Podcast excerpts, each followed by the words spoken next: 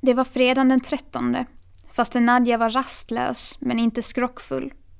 Det var som jag hade gissat. Hon hade blivit bjuden att ställa ut sina tavlor i New York och med darr på rösten sjöng hon My my, at Waterloo Napoleon did surrender. Alldeles sakta medan hon hängde sina mönstrade kläder på tork. Sen blev det tyst och på svullna ben stod hon i köket och sänkte kläder och strök. Hon torkade klädskåpens hyllor och hängde upp doftpåsar. Hon vek in plagg och hela tiden var hon så oerhört darrig. Jag sa till Pontus att det alltid är likadant inför fasters Nadjas utställningar, men han hade svårt att förstå.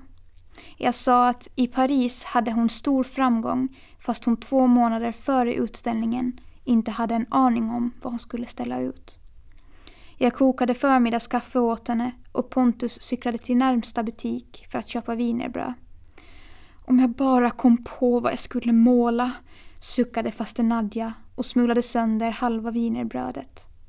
Jag visste från förr att man inte kan hjälpa henne eller ge några råd, men jag frågade Måste du tvätta och stryka allting? Blir du inte trött? Faster Nadja suckade. Ja, jag måste, för jag söker inspiration. Kommer den inte snart får jag inhibera New York. Alla vi på Åland vet att faster Nadja är en berömd konstnär. Det sägs att man köper hennes tavlor före målningen har torkat. Hon är den enda konstnär i stan som får en ordentlig inkomst enbart av att måla. Men nu var det inte tal om faster Nadjas framgång. Nu var hon desperat och nynnade om Waterloo. Jag undrade om hon skulle bli tvungen att städa källaren också innan hon hittat inspirationen.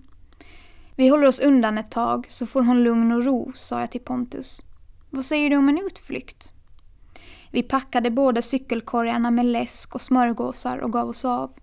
Jag tyckte att Pontus borde se badhusparken, så vi cyklade iväg mot Västerhamnen.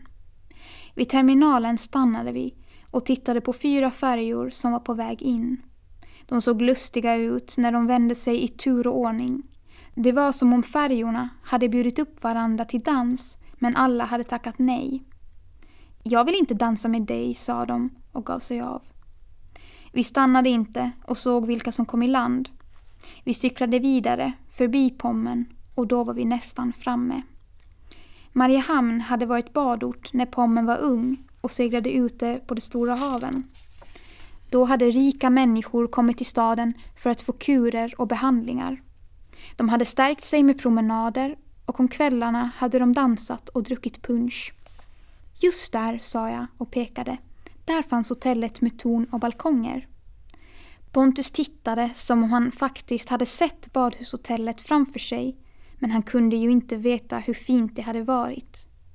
Jag hade hållit föredrag i skolan om gamla tider och visat en bild av badhushotellet. Mamma hade hjälpt mig med uppgifterna och jag hade fått högsta betyg av läraren. Nu tänkte jag berätta för Pontus men märkte att jag hade glömt nästan allting. Det enda jag mindes var när första världskriget bröt ut och det blev slut med badandet och ryska soldater flyttade in. Sen hade hotellet brunnit och det enda som blev kvar var doktorsvillan. Vi satte oss i backen och åt av smörgåsarna och då mindes jag också att staden hade grundats när landet Finland hörde till Ryssland. Alexander den andre hade varit kejsare och hans fru Maria hade gett staden namnet Mariehamn. Jag hade tänkt visa Pontus backen bakom stadshuset där de första gårdarna fanns. Men när vi cyklade längs Norra gatan förbi kaffestugan Svarta katten tyckte jag mig se en klarblå skrynklig kostym vid ett av borden på gården. Jag bad Pontus stanna och frågade Har du pengar till en läsk? Vi kom överens om att han skulle köpa läsken och jag skulle lägga beslag på närmsta bord ifall det nu var Kammer Svensson som satt där. Det var det. Han drack kaffe med en prydligt klädd kvinna som hade guld och diamanter i örsnibbarna. Det var så jag började tro att vi hade misstagit oss eller att Kamrer Svensson hade en dubbelgångare. Han satt där och gestikulerade vilt och berättade om den nya silverfärgade Honda han hade lämnat in för reparation. En ny bil och redan reparation, sa kvinnan förvånad. Det var luftkonditioneringen som krånglade, sa Kamrer Svensson och harklade sig. En bagatell bara. Men jag hann inte få den från verkstaden innan jag kom. Jag hade ett viktigt möte och måste ge mig av med tidiga morgonflyget. Pontus kom med läsk och vi lyssnade i smyg och vågade knappt titta på varandra. Och hur går affärerna? sa kvinnan. Har du snart råd att betala tillbaka? Kammer Svensson rätade på sig och log det värsta han kunde. Jättebra, kära Iris, sa han. Jag håller på med en kalkyl som ska vara klar imorgon och jag förhandlar om marknadsandelar. Pengarna ska snart strömma in och då betalar jag tillbaka med ränta. Du kan kolla kontot nästa vecka. Det lät inte äkta, tänkte jag. Det lät som han sa det där för att imponera på henne och jag undrade om hon gick på det. Hon såg lite kritisk ut och fumlade med koppen så hon fick en kaffefläck på ärmen och måste torka med servetten. Kanske märkte Kamrer Svensson hennes otålighet för han sa Inom ett par veckor har allting ordnat sig och då reser vi bort och köper en ny blus till dig.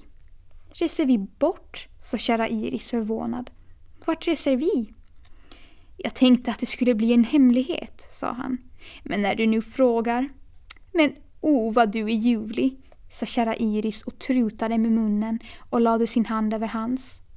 Nu blev Kammer Svensson verkligt upplivad och tog fram en plunta ur fickan. Han såg sig omkring men tyckte tydligen att Pontus och jag såg ofarliga ut ifall han nu alls räknade med oss. Och han hällde en skvätt ur pluntan i båda kaffekopparna. Snart var både kära Iris och Kammer Svensson upplivade av kaffet och han hällde en stor skvätt till. Vad säger du om Vita Hästen? sa han och grinade så att plomberna glänste svarta. Jag menar, ska vi göra en avstickare via Salzburg? Sen kan vi flyga till Mallorca och Kanarieöarna, vart du önskar. Världen är öppen för oss. Du får skriva en lista på allt du vill se, för jag kommer att bli verkligt rik. Oh, sa kära Iris och trutade med munnen. Men oh, vad du är ljuvlig. Nu skulle det smaka med en riktigt god biff, sa Kammer Svensson och kände på bakfickan. Om jag inte hade glömt plånboken på hotellet. Jag betalar naturligtvis, sa kära Iris och försökte blinka med ena ögat. Men det blev pannkaka av allt sammans och liknade mest en grimas. Man såg att kära Iris inte var van att blinka. Kammer Svensson hällde det sista ur pluntan i deras koppar och harklade sig. Jag betalar naturligtvis tillbaka, sa han. Men oh, vad du är ljuvlig, sa kära Iris och trutade ännu mer med munnen. Är det inte tråkigt att bo på hotell hela tiden? Man vänjer sig, sa Kamrer Svensson och försökte se ut som en skrynklig hund för att hotell är så tråkiga, så tråkiga. Sedan började han berätta om alla bedrövliga hotell han hade bott på. Vi orkade inte höra mer. Vi orkade inte heller tänka på gamla tider och Mariehamns första hus. Vi cyklade raka vägen till Lilla Holmen där vi låg på mage i sanden och fnissade medan vi tittade på lurviga hönor och blågröna påfåglar. Vi åt upp smörgåsarna och jag trutade med munnen och sa Men oh, vad du är ljuvlig. Pontus höll upp sin flaska läsk och lät lillfingret peka rakt ut i luften som Kamrer Svenssons finger hade gjort. Nu skulle det smaka med något riktigt gott om jag inte hade glömt plånboken på hotellet. Sedan lade vi oss på rygg och lät solen gassa. Jag såg på molnen som for över himmelen och tänkte på allt möjligt. Som att Kamer Svensson säkert var pank och lurade kvinnan på pengar. Vad var det man kallar sådant? Solovårdare var det väl? Och jag mindes att Pommen hade sagt att de behövde bil och bössa. Bara de inte kom på att Pontus och jag hade spionerat. Pontus sa ingenting och jag gissade att han tänkte på barnhemmet. En lång stund tänkte jag att ingenting av det här vi nu var med om skulle fortsätta så värst länge till. Det kändes sorgligt. Mycket sorgligt. När vi cyklade hem sa Pontus Sika huvudet Tori att du bor på faster Nadjas gata. Sika huvudet Tori, sa jag. Jag kunde faktiskt ha varit på semester som alla andra. Nästan alla brokiga kläder var prydligt invikta i skåp eller hängde på galgar överallt i faster Nadjas hus. Några plagg låg radade över stolryggar, soffor och sängar och man visste inte om man vågade sätta sig. Faster Nadja hade inte längre ett enda skrynkligt plagg i huset och började söka inspirationen i köksskåpen. Hon plockade bland kärl och påsar och torkade hyllorna. Hon slängde gammalt mjöl och flingor och gryn. Följande är väl kylskåpet, sa jag till Pontus. Där finns ett och annat. Om vi kunde hjälpa henne, sa han. Men då hittade hon väl aldrig inspirationen. Vi frågade ändå, mycket försiktigt, om det fanns något vi kunde göra. Och då sa hon, bär ut skräpet, det andra klarar jag själv. Snart svämmade soptunnan över och vi började rada skräpet så gott det gick för vi misstänkte att det skulle komma mer. Källaren var stor och vad förrådet innehöll visste ingen. Jag hoppades verkligen att faster Nadja snart skulle hitta inspirationen. Hon började se allt mer sliten ut.